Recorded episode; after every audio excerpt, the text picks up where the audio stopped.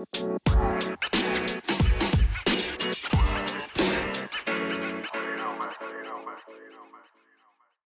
velkommen til podkasten Utviklingspsykologi. Dere er nå direkte inne fra Brønnøysund videregående skole.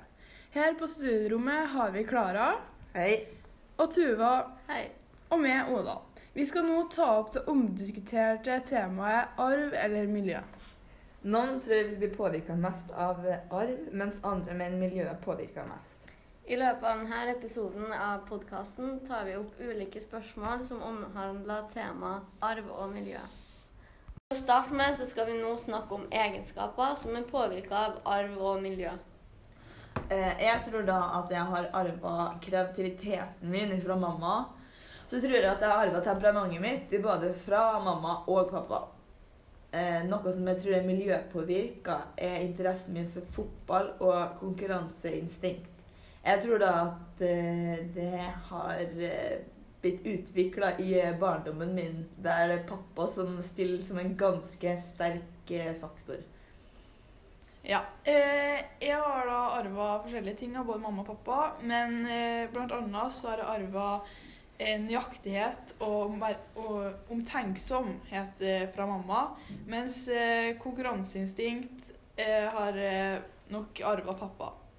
Eh, miljøet har jeg blitt påvirka av eh, eh, sånn at jeg har fått eh, den dialekten jeg har, og eh, at jeg er ganske aktiv innenfor eh, ulike idretter. Og jeg har da arva av hun mamma at jeg kan være veldig sta og lavmælt. Og det jeg tror er påvirka av miljøet, er min interesse for fotball og mitt konkurranseinstinkt. Og det er hovedsakelig påvirka av vennekretsen min, tror jeg da. Hvorfor er tvillingundersøkelser viktig i forskninga på arv og miljø? Det er fordi det gir pålitelige opplysninger om hva som skyldes arv, og hva som skyldes miljøet. Dette er fordi eneggede tvillinger har de samme genene, noe som gjør at det er mye lettere å se hva som skyldes miljøet. Tvillingdata gir oss altså muligheten til å studere om egenskaper og sykdom er miljøpåvirka eller arva. Et godt eksempel på dette er et tvillingstudie som ble gjort i USA på to eneggede tvillinger, som da ble eh, separert i hver sin heim etter fødsel. Eh, Turneren fikk en eh, mer eh, muskuløs kroppsfasong og ble mye lavere enn svømmeren, men svømmeren ble da mye høyere og fikk en bred overkropp. Det viser da at miljøet kan ha stor påvirkning på egenskaper og utseende. Nå skal vi snakke litt generelt om epigenetikk og forklare hva det er. Epigenetikk er jo da en ny banebrytende type forskning. Og det er en av de beste metodene for å studere hvorfor noen arvelige gener kommer til uttrykk, mens andre ikke gjør det. Denne epigenetikken handler om at flere faktorer må virke sammen for at et gen skal aktiveres. Og miljøfaktorer er med på å bestemme om genene slår ut eller ikke. Man kan da konkludere med å si at epigenetikk er en kunnskap om hvordan miljøet skrur av og på gener. Et eksempel på det her er forskeren Jim Fallon, som hadde psykopatiske trekk i hjernen og alle genvariantene knytta til psykopati. I tillegg viste det seg at han kommer fra en rekke mordere som drepte sine egne familiemedlemmer. Til tross for Jims familiehistorie og at han har genvarianter knytta til psykopati, er ikke Jim kriminell. Dette skyldes at han vokste opp med mye kjærlighet, som førte at genene ikke blir aktivert. Her spiller altså miljøet inn og gjør at arvelige gener ikke blir aktivert. Nå skal vi beskrive kort noen kjønnsforskjeller i barndommen og ungdomstida. I spedbarnsalderen har ikke nyfødte barn så store kjønnsforskjeller. Den største forskjellen er kjønnsinteressene. Et eksempel som ble gjort på babyer som bare var én dag gammel, var av professor Cohen, som fant ut at guttene så lenger på de mekaniske gjenstandene, mens jentebabyene viste eh, mer interesse for andre mennesker ved at de så lenger på ansiktene enn guttene gjorde. Hvis man ser på språkutviklinga hos spedbarnet, dokumenterer mange undersøkelser at jentens språkutvikling i gjennomsnitt begynner tidligere i det andre leveåret. De lærer vanligvis å snakke rent før guttene, og får også fortere et større ordforråd. I småbarnsalderen, som var fra barnet omkring 18 måneder gammel, så begynner det å vise tydelige kjønnsforskjeller i atferden sin. Fra omkring 2-3-årsalderen så viser da guttene generelt et høyere fysisk aktivitetsnivå enn det jentene gjør. I barnehagealderen så begynner barn på alvor å leke i kjønnsdelte grupper. Jeg for eksempel gikk jo i en barnehage der det var normalt at jentene ofte satt og tegna, mens guttene leka med Lego og var litt mer sånn rastløse. Ser vi på forskjeller i personlighet i den tidlige skolealderen, er jenter ofte mer avansert enn gutter når det gjelder nyanser i den menneskelige kommunikasjonen og psykologisk innsikt. Jentene bruker bl.a. ikke-verbale signaler mer enn guttene, som er f.eks. blikking og himling med øynene for å se nedlatende på andre, og smiling for å være hyggelig. Nå skal vi da snakke om hvordan kjønnsforskjellene forklares innenfor evolusjonspsykologien og nevropsykologien. Når vi snakker om evolusjonspsykologien, ser man på det biologiske perspektivet. Innenfor evolusjonspsykologien argumenterer man for at forskjellene mellom menn og kvinner er et resultat av genetiske forskjeller som har oppstått i løpet av evolusjonen. I løpet av mesteparten av vår tid på jorda så har vi menneskene levd som jegere og nomader. Kvinnene var bedre egnet til å være hjemme med tanke på graviditet og amming, og derfor fikk vi en mer omsorgsfull og pleiende rolle. Mennene var friere enn kvinnene med tanke på at de ikke passa på barnet og gjorde lite innearbeid i huset. De sto hovedsakelig for territorieforsvar og jakt. Og derfor har evolusjonen skapt i større grad egenskaper som lungekapasitet, aggressivitet og styrke hos mennene. Innenfor nevropsykologien så har det blitt spesielt fokusert på kjønnshormonene sin innflytelse på kjønnenes hjerne. Og de er ekstra interessert da i betydninga av kjønnshormonet testosteron. Det er da dominerende hos guttene, og vi antar da at det er en av årsakene til at guttene utvikler et mer spesialisert nevralt nettverk enn det jentene gjør. Og at de ofte bruker en halvdel av hjernen av gangen når de løser oppgaver. Jentene derimot har jo da et bredere nevralt nettverk og er da i bedre stand til å bruke begge hjernehalvdeler. Det her, her har man kun dokumentert ved hjelp av såkalte PET- og MR-skannere. Man mener òg at det at jenter har et bedre nevralt nettverk, er grunnen til at jenter har tidligere språkutvikling enn gutter. Skal vi forklare hvordan den behavioristiske forklaringa på kjønnsforskjeller skiller seg fra den kognitive. Eh, ifølge behaviorisme så er det da miljøet og hvordan foreldrene behandler gutter og jenter på forskjellige måter, som har mye å si for deres atferd.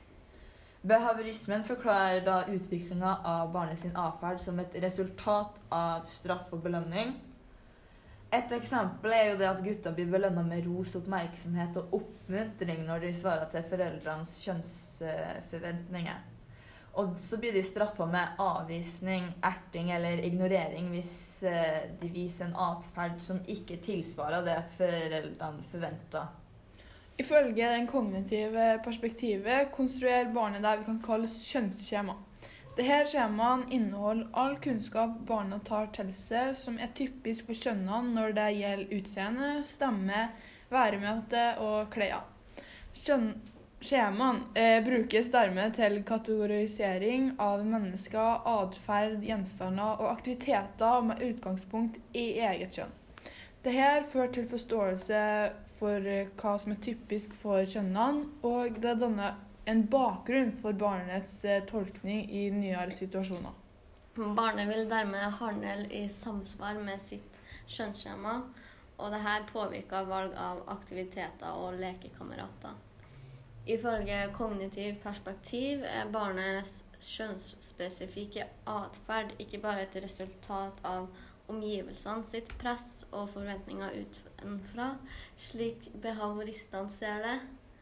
Kort forklart kan vi si at behaviorismen vektlegger at kjønnsforskjeller er innlært, og det kognitive perspektivet vektlegger at kjønnsforskjeller er tillært og et resultat av en aktiv konstruksjon av kjønnsskjema som påvirker våre handlinger. Hvordan forklarer psykoanalysen de kjønnsmessige forskjellene?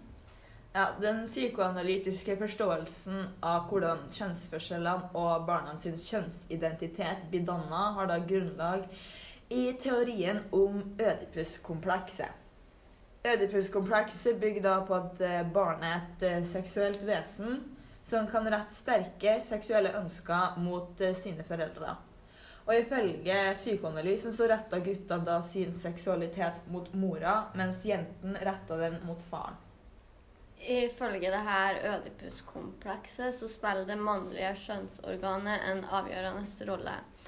Når barnet er tre til fem år, altså i den fallisk ødipale fasen, oppdaga ifølge teorien begge skjønnene at guttene har et kjønnsorgan, mens jenta tror at hun har mista sitt eller ikke har noe. Hos guttene fører denne oppdagelsen til kastrasjonsangst, Altså en frykt for at de blir straffa eller kastrert av faren pga. det seksuelle begjæret han retta mot mora. Den ødipale konflikten blir da løst ved at gutten gir avkall på moren, mora som et seksuelt objekt, og i stedet identifiserer seg med faren og hans maskuline egenskaper. Eh, når jenta oppdaga at hun mangla en penis, oppfatta hun seg sjøl som en mangelfull og kastrert gutt, og misunna gutta for det kjønnsorganet de har. De utvikla en såkalt penismisunnelse. Jenta skal da prøve å helbrede denne mangelen hun opplever ved å identifisere seg med mora hun ser faren foretrekker. Freuds teori har fått kritikk på mange områder, bl.a. når det gjelder denne kvinnelige penismisunnelsen. Hvordan skiller psykoanalysen seg fra behaviorismen og den kognitive psykologien? Det som skiller psykoanalysen fra behaviorismen og kognitiv psykologi, er at psykoanalysen fokuserer mye på seksualitet, og at utviklinga av kjønnsforskjellene er et resultat av barnet sine sterke seksuelle ønsker retta mot foreldrene. Behaviorismen legger vekt på at kjønnsforskjellene er innlært, som f.eks. gjennom invitasjon. Eh, den kognitive psykologien vektlegger at kjønnsforskjellene er tillært, og at de er et resultat av en konstruksjon av kognitive kjønnsskjema. Så verken behaviorismen eller den kognitive psykologien fokuserer på at uh, seksuelle ønsker eller seksualitet er grunnlaget for utviklinga av kjønnsforskjeller. Psykoanalysen skiller seg òg ut uh, ved at uh, den sier at utviklinga av kjønnsforskjeller oppstår i alderen 3 til 5 år altså i barndommen, mens de andre to perspektivene forklarer utviklinga av kjønnsforskjeller som en prosess som varer over lengre tid. Den postmoderne psykologien hevder at kjønnsforskjeller er sosialt konstruert. Hva vil det her egentlig si? Innenfor den postmoderne kjønnsforskninga blir kjønnsforskjeller oppfatta som sosialt konstruert. Forestillinga om at det eksisterer to kjønn med hver sine egenskaper, som er motsatt av hverandre, er noe menneskene sjøl har skapt. Dette er en kulturell forestilling eller idé, ifølge postmodernistene. Den har sitt grunnlag i arbeidsdelinga og maktforskjellene mellom menn og kvinner. Og barn blir prega av dette synet fra livet begynner. Jentene er sånn, og guttene er slik. Bare det å ta opp spørsmålet om kjønnsforskjeller mellom eh, menn og kvinner, noe som vi har gjort mye i denne podkasten, er da med på å videreføre denne forestillinga om tokjønnhet, og gjøre det til noe som er naturlig eller naturskapt. Hva er det som skiller sosialpsykologiske synet på kjønnsforskjeller fra det psykoanalytiske synet? Det sosialpsykologiske synet fokuserer på at mennesker sin oppfatning av kjønnsforskjeller blir påvirka av den gruppen vi inngår i, og identifiserer seg med. I det psykoanalytiske perspektivet knytter de kjønnsforskjellene til utviklinga i den ødipale fasen og det såkalte ødipuskomplekset. Dette blir satt fokus på eh, det seksuelle forholdet mellom barn og foreldrene. Forskjellen mellom de her to perspektivene er at i det sosialpsykologiske perspektivet så er det flere, altså en gruppe mennesker, som påvirker mennesket sin oppfatning av kjønnsforskjeller. Mens i det psykoanalytiske perspektivet så er det hovedsakelig bare foreldrene som påvirker menneskets eller barnets oppfatning av kjønnsforskjeller. I tillegg så setter psykoanalytiske perspektivet mye mer fokus på seksuelle trekk i utviklinga av kjønnsforskjeller. F.eks. så har de satt mye fokus på at jentene identifiserer seg med gutten og deres kjønnsorgan. Nå har vi da tatt for oss en rekke omstridte spørsmål innenfor emnet arv og miljø. Og vi håper da at du fant denne podkasten interessant. Uno, dos, tres, amigos, out!